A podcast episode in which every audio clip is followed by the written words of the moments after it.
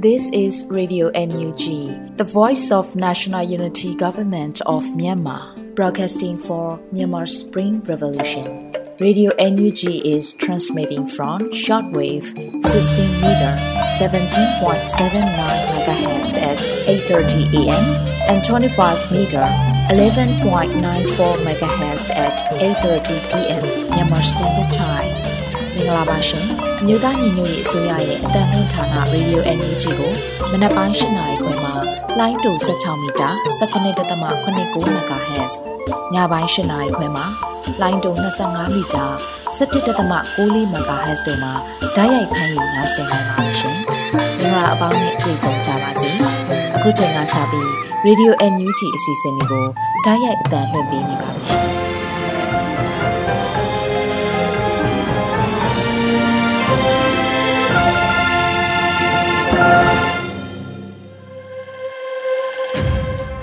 မြန်မာနိုင်ငံသူနိုင်ငံသားအပေါင်းတဘာဝပြီးစစ်အာဏာရှင်ဘေးတော့နေကင်းဝေးပြီးကိုစိတ်နှပါကြားမလုံးခြုံပေးခင်ကြပါစေလို့ရေဒီယို UNG အဖွဲ့သားများကဆုတောင်းမေတ္တာပို့သလိုက်ရပါတယ်ရှင်။အခုချိန်ကစပြီးကာကွယ်ရေးဝန်ကြီးဌာန၏စစ်ရေးတရင်ချင်းချုပ်ကိုရွေဦးမောင်ကဖတ်ကြားပေးမှာဖြစ်ပါရဲ့ရှင်။ယခုတင်ဆက်ပေးမှာကတော့ကာကွယ်ရေးဝန်ကြီးဌာနအမျိုးသားညီညွတ်ရေးအစိုးရမှထုတ်ဝေသောနိုင်စင်စစ်ရေးတရင်အချင်းချုပ်ပဲဖြစ်ပါတယ်။ စစ်ကောင်စီနဲ့တိုက်ပွဲဖြစ်ပွားမှုသတင်းများကို တင်ဆက်ပေးပါမယ်။ရခိုင်ပြည်နယ်တွင်ဧပြီလ၄ရက်နေ့မနက်9နာရီခန့်ကကော့ကရိတ်မြဝတီအာရှလမ်းမတောနော်ရေတကွန်အနီးတွင်အကြမ်းဖက်စစ်ကောင်စီတပ်နှင့်ကရင်အမျိုးသားလွတ်မြောက်ရေးတပ်မတော် KNL ပူးပေါင်းအဖွဲ့ကြားတိုက်ပွဲပြင်းထန်ခဲ့ပြီးတောနော်ရေတကွန်အနီးတိုက်ပွဲဖြစ်ပွားရာဒေသသို့ကော့ကရိတ်အခြေစိုက်ခလာရ69မှလက်နက်ကြီးများဖြင့်ဒရဆက်ပစ်ခတ်ခဲ့ကြောင်းသိရသည်။ချင်းပြည်နယ်တွင် ဧပြီလ3ရက်နေ့ည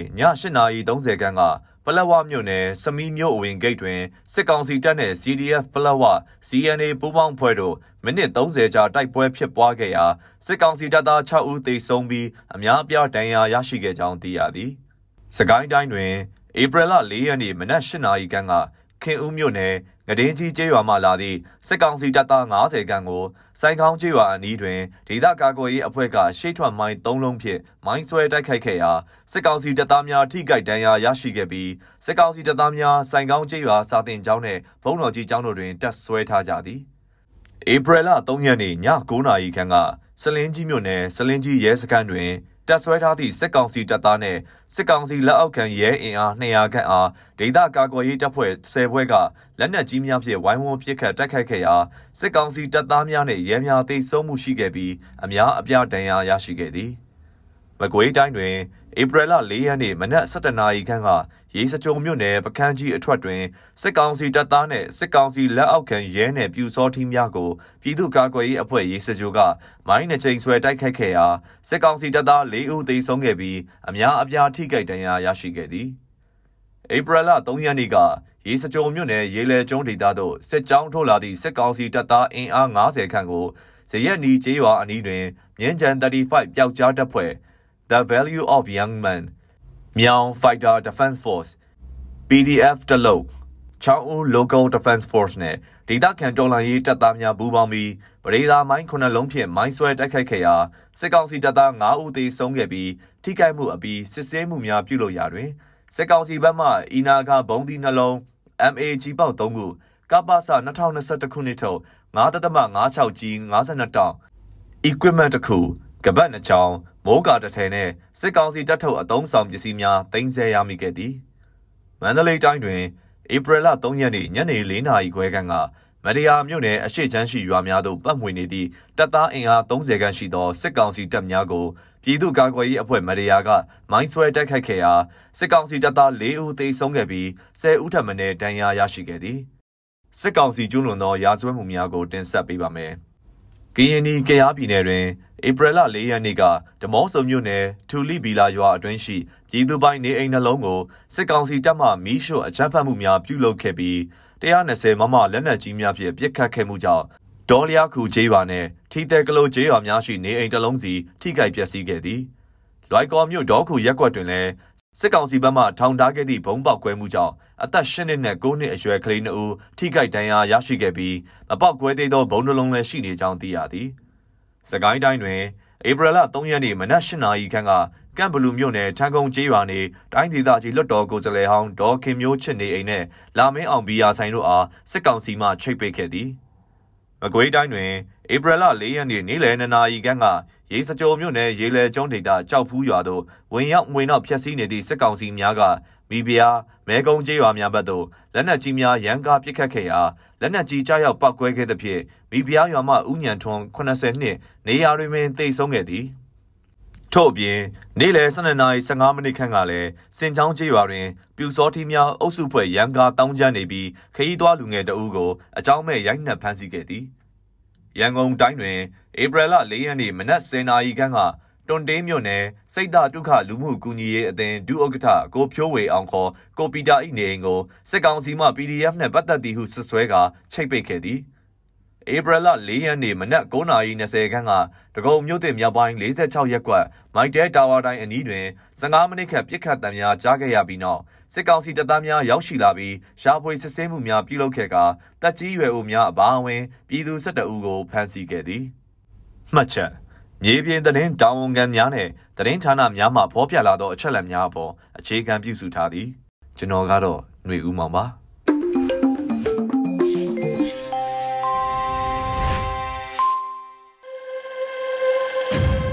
ဆက်လက်ပြီး Radio UNG ရဲ့နောက်ဆုံးရသတင်းများကိုຫນွေဦးမွန်ကဖတ်ကြားတင်ဆက်ပေးပါမယ်ရှင်။မင်္ဂလာပါရှင်။နောက်ဆုံးရသတင်းများကိုတင်ဆက်ပေးသွားမှာပဲဖြစ်ပါတယ်။အခုတင်ဆက်မဲ့သတင်းတွေကိုတော့ Radio NUG သတင်းတာဝန်ခံတွေနဲ့ခိုင်လုံတဲ့မိဘသတင်းရင်းမြစ်တွေကအခြေခံတင်ပြထားတာဖြစ်ပါတယ်။ကျွန်မຫນွေဦးမွန်ပါ။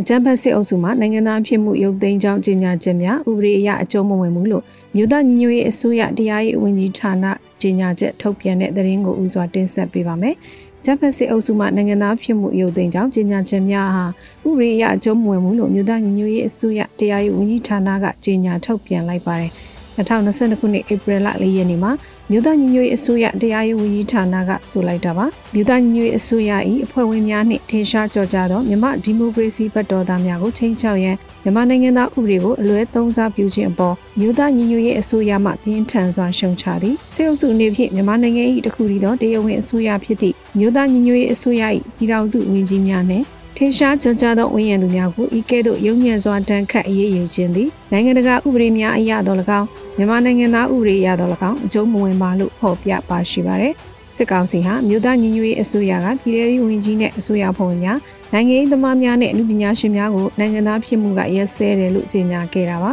။ယခုကဲ့သို့နိုင်ငံရေးတိုက်ခိုက်မှုပြုလုပ်ခြင်းဖြင့်၎င်းတို့တရားဝင်မှုရရှိအောင်ကြိုးပမ်းအားထုတ်ခြင်းသည်တရားဝင်မှုမရှိသလိုဥပဒေနှင့်လည်းဆန့်ကျင်နေပါသည်။ စေအုပ်စုမှမြန်မာနိုင်ငံသားဥရေဤပုံမှ16ကိုကျင်းမြောင်းသောအတိတ်ပဲသတ်မှတ်ကန့်သတ်မှုအခြေအနေတွင်သာနိုင်ငံသားဖြစ်မှုနှင့်နိုင်ငံကူးလက်မှတ်ရုပ်သိမ်းပိုင်ခွင့်ကိုကိုးကားထားပါသည်ဖော်ပြပါအခြေအနေအရအခြားနိုင်ငံတစ်ခုတွင်ရာသက်ပန်နိုင်ငံသားခံယူမှုသာပါဝင်အကျုံးဝင်ပါတယ်လို့ဆိုထားပါတယ်မြို့သားညီညွတ်ရေးအစိုးရရဲ့လက်ရှိသမရာရီဒူဝါလက်ရှိလာမှာစေအုပ်စုရဲ့အခြေမြင့်မရှိတဲ့ဆွဆွဲချက်အပေါ်ပြန်လည်ပြောကြားသည်မှာနိုင်ငံသားဥပဒေပုံမှ16နဲ့စက်ခွန်မှလုပ်ပိုင်ခွင့်မှာ မြန်မာနိုင်ငံသားတဦးသည်အခြားနိုင်ငံတစ်ခုတွင်နိုင်ငံသားခံယူပြီးအခြေချနေထိုင်မှသာအကျုံးဝင်မည်ဖြစ်သည်မြို့သားညီညွတ်ရေးအစိုးရ၏အဖွဲ့ဝင်များအားလုံးသည်တရားမဝင်အာဏာကိုလူယူထားသောလူသက်အဖွဲ့အားအနိုင်ယူပြီးပါကနိုင်ငံတော်သို့ပြန်လည်ကတာဝန်ထမ်းဆောင်ကြမည်ကိုကျွန်ုပ်တို့နိုင်ငံသားအားလုံးမှနားလည်သဘောပေါက်ပြီးဖြစ်သည်လို့ဆိုပါတယ်။ဖွဲ့စည်းပုံအခြေခံဥပဒေကျွမ်းကျင်သူလည်းဖြစ်သောမြို့သားညီညွတ်ရေးအစိုးရတရားရေးဝန်ကြီးဌာနပြည်ထောင်စုဝန်ကြီးဦးသိန်းဦးကလည်း အချမ်းဖတ်စစ်အုပ်စုသည်မြေပြင်တိုက်ပွဲများတွင်အကြိမ်ကြိမ်အထိနစ်နာနေရသဖြင့်ယခုကဲ့သို့လုံးဝအခြေအမြင့်မရှိသည့်ထုတ်ပြန်ချက်ဖြင့်တိုက်ခိုက်ခြင်းဖြစ်သည်မှာတည်သားထင်ရှားလျက်ရှိသည်ယခုကဲ့သို့တိုက်ခိုက်မှုသည်ညီတို့မြတရားမဝင်ကြောင်းကိုလည်းစစ်အုပ်စုမှသိရှိပြီးဖြစ်သည်မြန်မာနိုင်ငံသားဥပဒေပုံမှန်ဆက်ခွန်ပြဋ္ဌာန်းချက်မှာမြန်မာနိုင်ငံသားတဦးတယောက်သည်အခြားနိုင်ငံခြားတိုင်းပြည်တစ်ခုခုတွင်နိုင်ငံသားအဖြစ်ပြောင်းလဲခံယူပြီးအခြေချနေထိုင်မှသာလျှင်ယခုကဲ့သို့နိုင်ငံသားဖြစ်မှုကိုရုပ်သိမ်းပိုင်ခွင့်ရှိခြင်းဖြစ်သည် အခြားအကြောင်းအရာတစုံတရာဖြင့်နိုင်ငံသားဖြစ်မှုကိုရက်စက်ရုပ်သိမ်းပိုင်ခွင့်လုံးဝမရှိကြောင်းဥပဒေတွင်အတိအလင်းပြဋ္ဌာန်းထားသည်လို့ပြောကြားခဲ့ပါတယ်ရှင်။ NUG အမျိုးသားညီညွတ်ရေးအစိုးရအစည်းအမြင့်ကိုယ်စားလှယ်ဖွဲ့ American ခရီးစဉ်အကြောင်းကိုတင်ဆက်ပေးပါအောင်ရှင်။ American အစိုးရတာဝန်ရှိသူတွေနဲ့ဆွေးနွေးဖို့အတွက်မြို့သားညီညွတ်ရေးအစိုးရအစည်းအမြင့်ကိုယ်စားလှယ်ဖွဲ့ဟာ Washington DC ကိုတနင်္ဂနွေနေ့ကရောက်ရှိလာခဲ့ပါတယ်။ ကိုစလန်ဖွဲ့ကိုလူအခွင့်အရေးဝန်ကြီးဦးအောင်မျိုးမင်းကဦးဆောင်ပြီးဖွဲ့ဝင်ဖြစ်ဒုတိယနိုင်ငံခြားရေးဝန်ကြီးဦးမိုးစောဦးလိုက်ပါလာခဲ့ပါတယ်။မြို့သားညီညွတ်ရေးအတိုင်ပင်ခံကောင်စီ NUCC ကချမှတ်ထားတဲ့ Federal Democracy ပြည်ညင်လူသားချင်းစာနာထောက်ထားရေးအပါအဝင် NUG အစိုးရဆောင်ရွက်နေတဲ့အစီအစဉ်တွေနဲ့အမေရိကန်ကထိန်းချုပ်ထားတဲ့မြန်မာနိုင်ငံရဲ့ငွေကြေးကိစ္စတွေလည်းဆွေးနွေးမှာဖြစ်တယ်လို့ထုတ်ပြန်ချက်ကဆိုပါတယ်။ ဒီထဲမှာတရားမဝင်စစ်ကောင်စီကြောင့်ဖြစ်ပေါ်လာတဲ့လူခွင့်ရေးနဲ့လူသားချင်းစာနာထောက်ထားရေးဆိုင်ရာအကြက်အတဲကိစ္စတွေကိုတင်ပြတဲ့အခါဒုက္ခသည်တွေနဲ့ IPD ခေါ်ပြည်တွင်းနေရဆုံးခွာထွက်ပြေးကြရသူတွေရဲ့လိုအပ်ချက်တွေလည်းပါဝင်မှာပဲဖြစ်ပါတယ်။လူခွင့်ရေးချိုးဖောက်မှုတွေအတွက်နိုင်ငံတကာဒေသဆိုင်ရာနဲ့ပြည်တွင်းမှာတမျိုးသားလုံးဆိုင်ရာတရားမျှတမှုရန်တရားတရက်ဖော်ဆောင်မှုအတွက်လည်း NUG ကဂရိကုဝပြုပြီးသားဖြစ်တာကို NUG ရဲ့ထုတ်ပြန်ချက်မှာဖော်ပြထားပါတယ်ရှင်။ ငါးချိန်မြောက်ဘင်းစတက်ထိပ်သီးညီလာခံသို့စစ်ကောင်စီကိုဖိတ်ကြားမှုဟာ Indian for Myanmar ကကန့်ကွက်ကြောင်းစာများအိန္ဒိယနိုင်ငံဝန်ကြီးချုပ်ရုံးနဲ့တန်ယုံများကိုပေးပို့တဲ့သတင်းကိုတင်ဆက်ပေးပါမယ်။ငါးချိန်မြောက်ဘင်းစတက်ထိပ်သီးညီလာခံသို့စစ်ကောင်စီကိုဖိတ်ကြားမှုပေါ် Indian for Myanmar ကကန့်ကွက်ကြောင်းစာများအိန္ဒိယနိုင်ငံဝန်ကြီးချုပ်ရုံးနဲ့တန်ယုံများကိုပေးပို့တယ်လို့သတင်းရရှိပါရတယ်။ဧပြီလရက်နေ့မှာကန့်ကွက်ရှုံချတဲ့စာများဖြန့်ဝေပေးပို့တယ်လို့ India for Myanmar ကဆိုပါတယ်။ India for Myanmar သည်၅ချိန်မြောက် Binstat ထိပ်သီးညီလာခံသို့ မင်းအောင်လှိုင်ဦးဆောင်တဲ့စစ်ကောင်စီကိုပြည်ထောင်စုမြန်မာနိုင်ငံကိုစားပြုအစိုးရအဖြစ်ဖိတ်ကြားမှုပေါ်ကန့်ကွက်ရှုံချကြောင်းဧပြီ3ရက်တွင်ထုတ်ပြန်ခဲ့ပါတယ်။ဆိုပါထုတ်ပြန်ချက်ကို Binstat အဖွဲ့ဝင်နိုင်ငံများသိရှိစေရန်အိန္ဒိယနိုင်ငံဝန်ကြီးချုပ်ရုံးနှင့်အိန္ဒိယနိုင်ငံအခြေစိုက် Binstat အဖွဲ့ဝင်နိုင်ငံများ၏တန်ယုံများသို့ကန့်ကွက်ရှုံချစာပို့ဆောင်ခြင်းကိုဧပြီ၄ရက်မှစတင်ပြုလုပ်နေပြီး9ရက်၄လ2020တွင်အပြည့်အသက်ဆောင်ရွက်သွားမည်ဖြစ်ပါတယ်လို့ဆိုပါတယ်။ India for Myanmar အနေနဲ့ Binstat အဖွဲ့ဝင်နိုင်ငံများမှာစစ်ကောင်စီကို ပြည်ထောင်စုမြန်မာနိုင်ငံကိုစားပြုအစိုးရအဖြစ်ဆက်ဆံနေမှုစစ်ကောင်စီကိုအတိမတ်ပြုနေမှုမရက်တက်မချင်းဆက်လက်တိုက်ပွဲဝင်သွားမှာဖြစ်တယ်လို့ဖော်ပြပါတယ်။ဒါအပြင်မြန်မာနိုင်ငံအပါအဝင်နိုင်ငံတကာမှာရှိသောဒေါ်လာရေးအင်အားစုများအနေနဲ့ပူးပေါင်းတိုက်ပွဲဝင်ပေးကြဖို့ဖိတ်ခေါ်အပ်ပါတယ်လို့ထုတ်ပြန်ထားပါတယ်ရှင်။ပြည်သူ့ကာကွယ်ရေးတပ်သားတိုင်းဟာအရတားပြည်သူများကိုယူသေးစွာဆက်ဆံရမှာဖြစ်တယ်လို့မြို့သားညီညွတ်ရေးအစိုးရကာကွယ်ရေးဝန်ကြီးဌာနကရုပ်ပြကာတွန်းများနဲ့အသိပညာပေးတဲ့သတင်းကိုတင်ဆက်ပေးပါမယ်။ ပြည်သူ့ကာကွယ်ရေးတပ်သားတိုင်းဟာအရတားပြည်သူများကိုယူသေးစွာဆက်ဆံရမှာဖြစ်တယ်လို့မြို့သားညီညွတ်ရေးအစိုးရကာကွယ်ရေးဝန်ကြီးဌာနကရုပ်ပြကာတွန်းများနဲ့အသိပညာပေးဖော်ပြလိုက်ပါတယ်။ဧပြီလရက်နေ့မှာကာကွယ်ရေးဝန်ကြီးဌာနလူမှုကွန်ရက်အစာမျက်နှာကနေဖော်ပြခဲ့တာပါ။ရုပ်ပြကာတွန်းပုံထဲမှာပြည်သူ့ကာကွယ်ရေးတပ်ဖွဲ့များကဒေသခံများစိုက်ပျိုးရေးလုပ်ငန်းကိုကူညီရိုက်သိမ်းပေးပုံတွေနဲ့တက်ကြီးရွယ်အိုတွေကိုတဲချီပို့ဆောင်ပေးတာတွေစတဲ့ရုပ်ပြပုံများပါဝင်ပါတယ်။ပြည်သူကနေပေါက်ဖွာလာတဲ့ပြည်သူ့ကာကွယ်ရေးတပ်သားတွေဟာ ရက်သားပြည်သူများကိုယူသေးစွာဆက်ဆံရမှာဖြစ်ပါတယ်လို့ကာကွယ်ရေးဝန်ကြီးဌာနကဖော်ပြပါတယ်။လက်ရှိမှာစကိုင်းတိုင်းကီနီဒေသနဲ့ကရင်ပြည်နယ်တို့မှာလည်းစစ်ဘေးရှောင်ကလေးငယ်များပညာသင်ကြားရေးနေထိုင်ရေးစတဲ့အရာများကိုကာကွယ်ရေးတပ်ဖွဲ့ဝင်များကကူညီဆောင်ရွက်လျက်ရှိပါတယ်ရှင်။ DSA တွေဖျက်ဆီးခဲ့တဲ့အတိုင်းပြည်ကိုတိုင်းရင်းသား PDF နဲ့ဂျန်စီတွေကပြန်လည်တိစောက်ပြပါလိမ့်မယ်လို့ဦးမင်းကိုနိုင်ကဆိုတဲ့သတင်းကိုတင်ဆက်ပေးပါမယ်။ DSA တွေဖျက်ဆီးခဲ့တဲ့အတိုင်းပြည်ကိုတိုင်းရင်းသား PDF နဲ့ ဂျန်စီတွေကပြန်တိစောက်ပြပါလိမ့်မယ်လို့ဦးမင်းကိုနိုင်ကဆိုလိုက်ပါတယ်။ဧပြီလရက်နေ့လူမှုကွန်ရက်ကနေ88မျိုးဆက်အကြောင်းသားကောင်ဆောင်ဦးမင်းကိုနိုင်ကရေးသားပြောကြားခဲ့တာပါ။ဒီနိုင်ငံသမိုင်းတခြားမှာစစ်တပ်ထိခိုက်အကြအဆုံးအများဆုံးနှစ်ဖြစ်တဲ့အထိပြန်တိုက်နိုင်ခဲ့ပြီးရှေလူမုံရှုံးတော့သေးစစ်သားတွေပြည်သူရင်ဝင်စီစုပြုံတန်းစီဝင်လာတာမျိုးဘာလို့ပြည်သူတွေမလုံနိုင်ရမှာလဲစိတ်ညီလက်ညီလို့ပဲ silent strike လို့ ကဘာကျော်တပိတ်တွဲပြခဲ့ပြီးပြီမနေ့တနေ့ကပဲနှစ်ရက်ထဲနဲ့ရမုံငွေ3900ရအောင်ညီပြလိုက်ပြန်ပြီမိလောင်ပြင်မှာတော့ပတ်မပွင့်ဘူးပေါ့ဒါပေမဲ့တော်မီလောင်ပြီးပြီးချင်းပွင့်ရဲတဲ့ fire lily လိုပတ်မျိုးတကယ်ရှိပါတယ် DSC တွေဖြည့်ဆည်းခဲ့တဲ့အတိုင်းမျိုးကိုတိုင်းရင်သား PDF နဲ့ Gen Z တွေကပြန်တိဆောက်ပြပါလိမ့်မယ်လို့ဆိုပါတယ်2021ခုနှစ်ဖေဖော်ဝါရီလရက်နေ့မှာစစ်တပ်ဟာ နိုင်ငံတော်အာဏာကိုအကြမ်းဖက်သိမ်းယူခဲ့ပါတယ်။လက်ရှိအချိန်ထိအကျဉ်းအောင်တီမှာဖမ်းဆီးချုပ်နှောင်ထားသူလူတထောင်ကျော်နီးပါးရှိပြီးတော့ဆီယနာရှင်စက်ကြီးလှုပ်ရှားဆောင်ရွက်သူများနဲ့ရက်သားသေးဆုံးသူထောင်နဲ့ချီရှိပြီးဖြစ်ပါတယ်။အခုဟာကတစုတဖွဲချင်းကိစ္စမဟုတ်ပါ။ပြည်သူတရက်လုံးကမြို့တိုင်းလမ်းတိုင်းနေတိုင်းရွာတိုင်းမှာတိုက်နေကြတာ။တနက်ကင်တာနဲ့မကင်တာပဲကွာပါတယ်။ဒါလည်းလူတိုင်းသိတဲ့လျှို့ဝှက်ချက်ပဲ။ဒါမှပြည်သူတော်လှန်ရေးမဟုတ်ရင်ဘယ်ဟာကပြည်သူတော်လှန်ရေးလဲ။ တစ်ဖက်ကလည်းသင်္ကန်းဝတ်တွေကိုပါလက်နက်တက်ဆင်ပေးနေတဲ့ပုံတွေထုတ်ပြလာတယ်။ဒါစစ်ဖြစ်နေတယ်ဆိုတာဝန်ခံတာပါပဲ။သူတို့ထဲမှာလည်းတယောက်ကိုတယောက်မယုံကြည်ဒီလိုပဲတထေးတွေကအစအန်ရရှိနေတာလူတိုင်းသိတဲ့လျှို့ဝှက်ချက်ပါ။အရင်အစိုးရလက်ထက်ကအလူကြီးလုတ်ခဲ့ဘွဲတစိတ်ရခဲ့သူတွေကိုစရင်ကောက်နေတာဒါပါသဘောလဲတထေးတွေကိုဘာအမှားစကားပေးချင်တာလဲချင်းကြောက်နေတာလားငွေတောင်းနေတာလားနှမျိုးလုံးဖြစ်ပါတယ်။တဒေချာတာကအလွှာအသီးတွေကို သူတို့ဖဲ့ယူကိုက်စားတော့မှာပါလို့ဦးမင်းကိုနိုင်ကဆိုပါတယ်ရှင်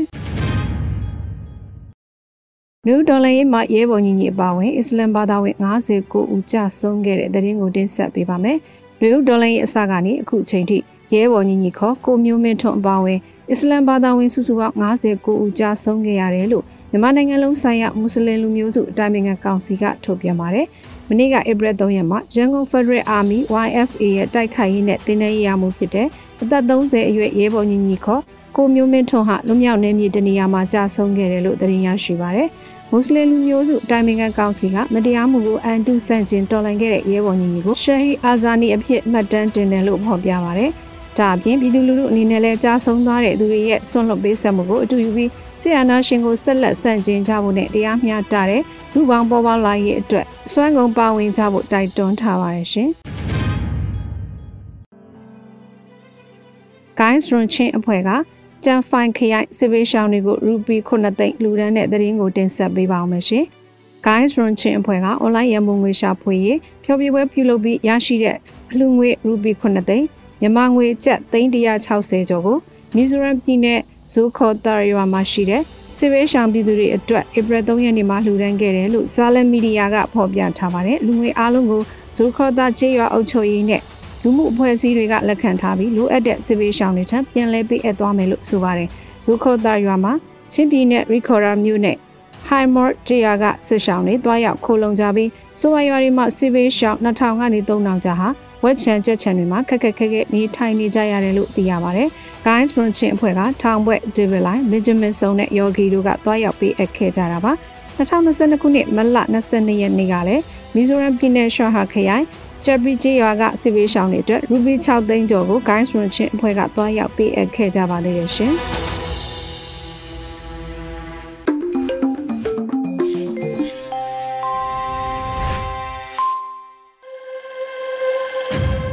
ရေဒီယို UNG မှဆက်လက်တမ်းလှည့်နေပါတယ်။ဆက်လက်ပြီးပြည်သူခုခံဆက်သတင်းများကိုຫນွေဦးလင်းကတင်ဆက်ပေးပါမယ်ရှင်။ပထမဆုံးအနေနဲ့ကော့ကရီမြောက်ရီအာရှလန်အနီး စစ်ကောင်စီတပ်နဲ့ KNL ပူးပေါင်းအဖွဲ့တိုက်ပွဲပြင်းထန်ပြီးစစ်တပ်ကကော့ကရီမြို့နယ်ရှိရွာများကိုလေရင်ဖြင့်ပစ်ခတ်တိုက်ခိုက်တဲ့သတင်းကိုတင်ဆက်ပါမယ်။ကရင်ပြည်နယ်ကော့ဂရိတ်မြောက်ရီအာရှလမ်းမှာတောနော်ရေတကွန်အနီးတွင်အကြမ်းဖက်စစ်ကောင်စီတပ်နှင့်ကရင်မျိုးသားလူမျိုးရေးတပ်မတော် KNL ပူးပေါင်းအဖွဲ့ကြားယနေ့ဧပြီ၄ရက်နေ့နနက်9နာရီခန့်မှစ၍တိုက်ပွဲပြင်းထန်နေပြီးဖျက်တမ်းသွားလာသောကားလေးစီးထိမီးလောင်နေကြောင်းသတင်းရရှိပါသည်။ တောနော်ရေတကွန်အနီးတိုက်ပွဲဖြစ်ပွားရာဒေသသို့ကော့ဂရိတ်အခြေစိုက်ခလာရ69ခွန်မှာလက်နက်ကြီးများဖြင့်ဒါရဆက်ပစ်ခတ်နေကြောင်းကော့ဂရိတ်ဒေသခံများထံမှသိရှိရပါသည်။အကြမ်းဖက်စစ်တပ်ကကော့ဂရိတ်မြို့နယ်ကျိတ်ကြီးကျွော်အုပ်စုနဲ့ပန်ကလာတုံကြီးရွာအုပ်စုကိုလည်းစစ်လီရင်များဖြင့်နှစ်ရက်ဇက်တိုက်ပစ်ခတ်လျက်ရှိကြောင်းဒေသခံများကပြောဆိုပါတယ်။ကင်မျိုးသားစီယုံခရိုင်တပ်မဟာ6နယ်မြေဒူးပလာယာခရိုင်အတွင်းအကြမ်းဖက်စစ်ကောင်စီတပ်နဲ့ KNL ပူးပေါင်းတပ်ဖွဲ့အကြားနေရနံတိုက်ပွဲများဖြစ်ပွားပြီးကော့ဂရိတ်မြောက်ရီအာရှလမ်းမနဲ့မြောက်ရီဝေါ်လီကားလမ်းမများသို့ပြည်သူများအုံမပြူရန် KNU ကစာထုတ်ပြန်အသိပေးထားပါတယ်။ KNU ကစစ်ကောင်စီတပ်များတပ်မဟာ6နယ်မြေအတွင်းမှဆုတ်ခွာသွားရန်ပြောဆိုထားပြီးစစ်ကောင်စီဘက်မှမဆုတ်ခွာသည့်ပြင်စစ်အင်အားများတိုးချဲ့လာမှုများကြောင့်ကော့ဂရိတ်ကြာအင်းစိတ်ကြီးမြောက်ရီဝေါ်လီကားလန်တစ်ချောက်တွင်တိုက်ပွဲများဇက်တိုက်ဖြစ်ပွားလျက်ရှိပါတယ်။နောက်ဆုံးအနေနဲ့ အမျိုးသားညီညွတ်ရေးအစိုးရပြည်ထောင်စုနဲ့လူမှုကြီးကြပ်ရေးဝန်ကြီးဌာနက2022ခုနှစ်ဧပြီလ4ရက်နေ့ရက်စွဲနဲ့ထုတ်ပြန်တဲ့ပြည်သူ့ခုခံတော်လှန်စစ်သတင်းအချက်အလက်တွေကိုတင်ဆက်ပေးသွားမှာပါ။အာဏာသိမ်းအကြမ်းဖက်ဆဲအုပ်စု၏ပြည်သူလူထုပေါ်အကြမ်းဖက်ဖိနှိပ်ဖမ်းဆီးတိုက်ခိုက်တပ်ဖြတ်နေမှုများကိုပြည်သူလူထုတရက်လုံးကအသက်ရှင်နေရေးအတွက်မိမိကိုယ်ကိုမိမိခုခံကာကွယ်ပိုင်ခွင့်ရပြည်သူခုခံစစ် People Defenses War ကိုဆင်နွှဲလျက်ရှိပါတယ်။ တရင်ချက်လက်များအရ3ရက်၄လ2022ခုနှစ်နေ့ရက်တွင်စစ်ကောင်စီတပ်ဖွဲ့ဝင်39ဦးသေဆုံးပြီးထိခိုက်ဒဏ်ရာရရှိသူ12ဦးအထိခုခံတိုက်ခိုက်နိုင်ခဲ့ပါတယ်။စစ်အာဏာရှင်စနစ်မြမမျိုးပေါ်မှာအပိတိုင်ချုပ်ငြိမ်းရေးနဲ့ Federal Democracy တိဆောက်ရေးအတွက်ငြိမ်းချမ်းစွာဆန္ဒပြသည့်လူထုတပိတ်တိုက်ပွဲများကပြည်내နဲ့တိုင်းဒေသကြီးများမှာဖြစ်ပွားပေါ်ပေါက်လျက်ရှိပါတယ်။မြေပြင်မှာယခုတွေ့ရတဲ့သတင်းချက်လက်များထက် ပို၍ဖြစ်ပွားနိုင်ပါတယ်ခင်ဗျာ။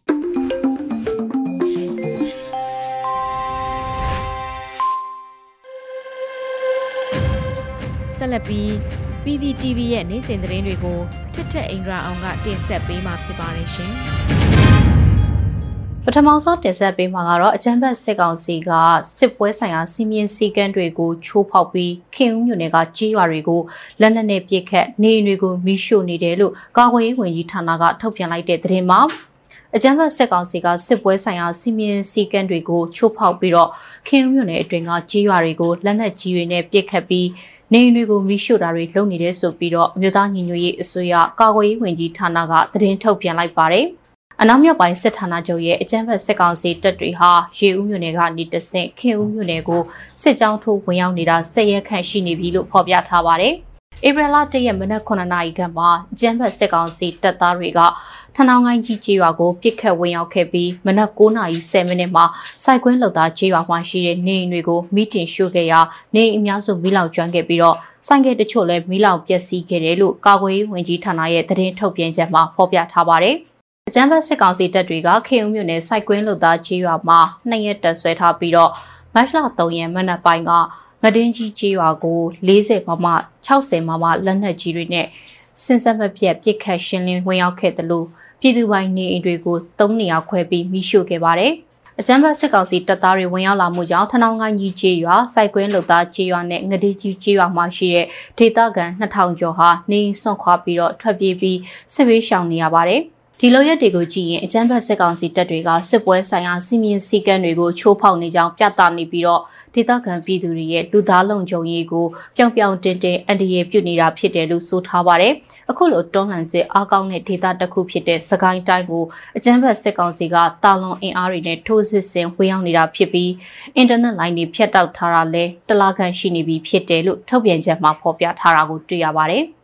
ဆလတ်တင်ဆက်ပေးမှာကတော့ငွေတိုက်စာချုပ်ပေါင်း9000ကျော်ရောင်းချထားပြီးဖြစ်တယ်လို့ဧပြီလအတွက်ဝယ်ယူသူတွေကိုငွေရပြည်စားတွေမှာကိုမင်းကိုနိုင်ရဲ့ဗကြီး post ကတ်တွေထည့်သွင်းပေးမယ်လို့စီမံကိန်းဗန်နာကြီးနဲ့ရင်းနှီးမြှုပ်နှံမှုဝန်ကြီးဌာနကထုတ်ပြန်လိုက်တဲ့ဆိုတဲ့သတင်းမှာ အမျိုးသားညီညွတ်ရေးအစိုးရကရောင်းချနေတဲ့ငွေတိုက်စာချုပ်တွေကအခုဆိုရင်9000ကျော်အထိရောင်းချထားပြီးဖြစ်တယ်ဆိုတာနဲ့အခုဧပြီလအတွက်ငွေတိုက်စာချုပ်ဝယ်ယူသူတွေကိုကိုမင်းကိုနိုင်ရဲ့အမှတ်တရလက်ဆောင်ပကြီး post ကကိုထည့်သွင်းပေးသွားမှာဖြစ်တယ်လို့လည်းစီမံကိန်းဗန်နာရေးနဲ့ရင်းနှီးမြှုပ်နှံမှုဝန်ကြီးဌာနကသတင်းထုတ်ပြန်ပါတယ်။သတင်းထုတ်ပြန်ချက်မှာတော့ငွေတိုက်စာချုပ်ကိုယ်စားလှယ်တွေထဲမှာဝန်ဆောင်မှုအပိယဆုံးကစင်ကာပူနဲ့အမေရိကန်နိုင်ငံတွေဖြစ်တယ်လို့ဖော်ပြထားပါတယ်။ တော်လိုင်းကာလာတလျှောက်လုံးပြည်သူလူထုရဲ့နီလန်မျိုးစုံနဲ့တက်ဆွမ်းသမျှထောက်ပံ့ခဲ့ကြတဲ့အထက်မှာငွေရဲစာချုပ်တွေဝယ်ယူပြီးတော်လှန်ရေးကိုယုံကြည်မှုအပြည့်နဲ့ရင်းနှီးမြှုပ်နှံတဲ့ပမာဏဟာအများဆုံးအဖြစ်နဲ့ပတ်တန်းတင်နိုင်ခဲ့ပြီးဖြစ်တယ်လို့ဆိုထားပါတယ်။ဒါအပြင်အမျိုးသားညီညွတ်ရေးအစိုးရအနေနဲ့ငွေတိုက်စာချုပ်တွေကိုအယောင်ကိုယ်စားလှယ်တွေအခုအညီနဲ့ရောင်းချလာတာ၃လရောက်ခဲ့ပြီးဖြစ်တယ်လို့ဆိုထားပါတယ်။ ဧပြီလအတွက်ငွေတဲ့စာချုပ်ဝယ်ယူမဲ့သူတွေကိုတကြံအမှတ်တရပုံရိပ်တွေထည့်ပေးမှာဖြစ်တဲ့အပြင်ကိုမင်းကိုနိုင်ရဲ့အမှတ်တရလက်ဆောင်ပကြီး post ကတ်ကိုပါထည့်သွင်းပေးတော့မှာဖြစ်တယ်လို့သိရပါတယ်။အခုတင်ဆက်ပေးမှာကတော့အမျိုးသားညီညွတ်ရေးအစိုးရတနစ်ပြည့်အထိမ်းအမှတ်အဖြစ် Washington DC မှာတိုင်းသားပေါင်းစုံချီတက်ပွဲပြုလုပ်မယ်ဆိုတဲ့သတင်းမှာဧပြီလထဲမှာအမျိုးသားညီညွတ်ရေးအစိုးရဖွဲ့စည်းခဲ့တာတနစ်ပြည့်မြောက်ပြီးဖြစ်တာကြောင့် အမေရိကန်ရောက်မြန်မာတိုင်းရင်းသားတွေကဝါရှင်တန် DC မှာစုယုံပြီးချစ်တက်ပွဲပြုလုပ်ဖို့စီစဉ်နေကြပါတယ်။ပွဲစီစဉ်သူတဦးကတော့အခုပွဲကိုပြည်내ပေါင်းဆောင်ကတိုင်းရင်းသားတွေလာကြမှာဖြစ်တယ်လို့ PVTV ကိုပြောပါတယ်။ Safe Myanmar USA campaign ကဥဆောင်ပြုလုပ်တဲ့ဒီပွဲမှာအမျိုးသားညီညွတ်ရေးအစိုးရကိုထောက်ခံပေးဖို့နဲ့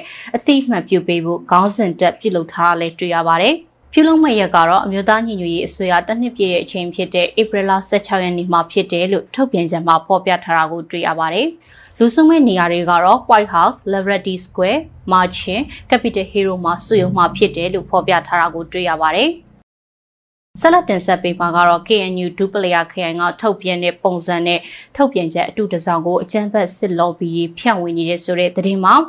လူမှုမီဒီယာတစ်ခုဖြစ်တဲ့ Telegram Channel မှာအကြမ်းဖက်စစ်လော်ဘီ Channel တစ်ခုဖြစ်တဲ့ရဲရင်ထက်ဆိုတဲ့ Channel ကနေဧပြီလ3ရက်နေ့ညနေမှာ KNU ဒူပလယာခရိုင်ကထုတ်ပြန်ချက်ပုံစံမျိုးနဲ့ထုတ်ပြန်ချက်အတူတစောင်းကိုဖြန့်ချီနေကြောင်း PPTV အချက်လက်စစ်ဆေးရေးအဖွဲ့ကတွေ့ရှိခဲ့ပါတယ်။ အကြမ်းဖက်စစ်တပ် lobby တွေဖြန့်ဝေခဲ့တဲ့ထုတ်ပြန်ချက်အတူတည်းမှာစစ်ကောင်စီအနေနဲ့စစ်အားများတိုးချဲ့ကထောက်လှမ်းရေးကွန်ရက်များလည်းထပ်မံတိုးချဲ့လျက်ရှိကြောင်း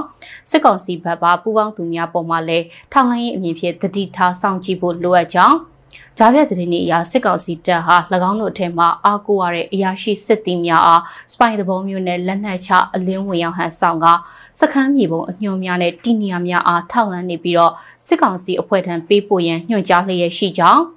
လက်ရှိအလင်းဝင်ရောက်လာတဲ့ဗိုလ်မှူးထင်လျောင်နဲ့တပ်သားဟိမင်းထွေးဆိုသူတွေဟာစစ်ကောင်စီကသူရဲကောင်းမှတ်တမ်းနဲ့ချီကျူးဂုံပြူရရှိထားသူတွေဖြစ်တယ်လို့သိရှိရကြောင်းဒါကြောင့်လက်နက်ချအလင်းဝင်ရောက်လာတဲ့စစ်ကောင်စီတပ်ဖွဲ့ဝင်တွေအားတေချာစွာစီစစ်လက်ခံရန်အထူးသတိပေးအပ်ပါသည်ဆိုတဲ့စသားတွေကိုရေးသားထားပြီးတော့ KNU ကရင်မျိုးသားစီယုံဒုပလယာခရိုင်အလုံးမှုဆောင်ကော်မတီကထုတ်ပြန်တဲ့ထုတ်ပြန်ချက်ပုံစံနဲ့အတုလုပ်ဖြန့်ချီခဲ့တာဖြစ်ပါတယ်။ PPTV ရဲ့အချက်လက်စစ်ဆေးရေးအဖွဲ့ကဒီထုတ်ပြန်ချက်နဲ့ပတ်သက်ပြီးတော့အချက်လက်စစ်ဆေးကြည့်တဲ့အခါမှာထုတ်ပြန်ချက်ဟာအတူဖြစ်ကြောင်းကိုအောက်ပါအချက်တွေနဲ့စစ်စစ်အတည်ပြုနိုင်ခဲ့တာဖြစ်ပါတယ်။ထုတ်ပြန်ချက်အတူထဲမှာပါရှိတဲ့အတိပေးထုတ်ပြန်ကြေညာချက်နှစ်မြင့်ဆောင်2022ဟာဒူပလယာခရိုင်ကမတ်လ26ရက်နေ့မှာထုတ်ပြန်ခဲ့တဲ့ထုတ်ပြန်ချက်အစီရဲ့စအမှတ်ဖြစ်ပါတယ်။မတ်လ26ရက်နေ့ကဒူပလယာခရိုင်ကထုတ်ပြန်ခဲ့တဲ့ထုတ်ပြန်ချက်ကတော့ 29ရက်3လ2022ရက်နေ့မှာစပြီးကော့ကရိတ်မြောက်ရီအာရှလမ်းမကြီးနဲ့မြောက်ရီဝေါ်လီလမ်းမကြီးအားအသုံးပြုလျက်ရင်များဖြတ်တန်းသွားလာခြင်း